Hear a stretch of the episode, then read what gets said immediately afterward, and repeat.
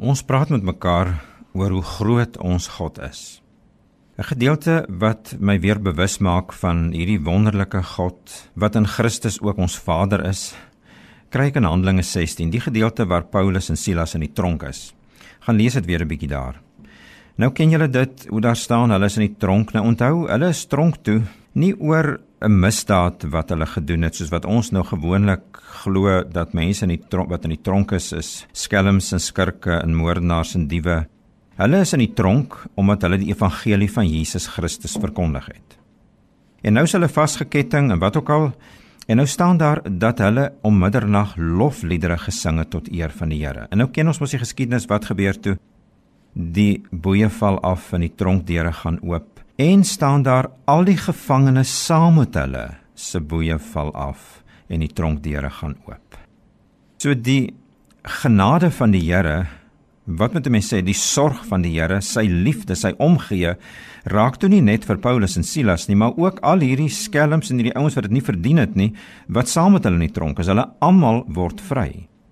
Nou Dit spreek my geweldig aan. As die Here vir my aanraak en vir jou aanraak en vir ons weer laat besef van wat hy in Christus vir ons kom doen het en dat die gehoorsaamheid van Christus vir ons toegereken word en dat ons vrygespreek is dat ons 'n reg wees in sy oë het 'n heel wees in sy oë het.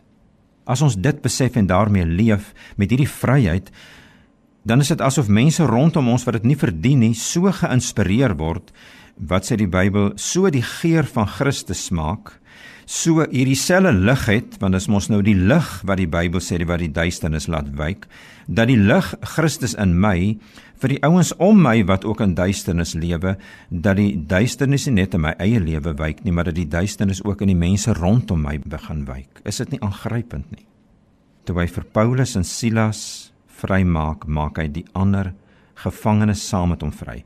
Maar weet julle wat's nog meer aangrypend?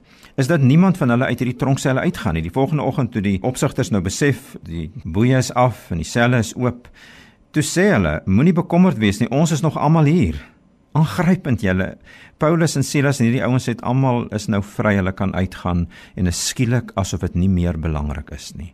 So dit wat vir jou vashou en 'n tronk is in jou lewe die oomblik as jy die vryheid van Christus beleef en jou tronk kan wees jou eie minderwaardigheid jou sonde jou wat ook al iets wat jou vashou die oomblik as jy jou vryheid in Christus snap is dit asof daai goed nooit meer vir jou vashou nie en is dit asof dit nie meer punte tel nie en jy kan sinvol lewe in dieselfde situasie met dieselfde krisis met dieselfde uitdaging met dieselfde worsteling waarmee jy gister geleef het. In Christus is jy vry en daai innerlike vryheid maak dat jy nooit weer leef asof jy in 'n tronk is nie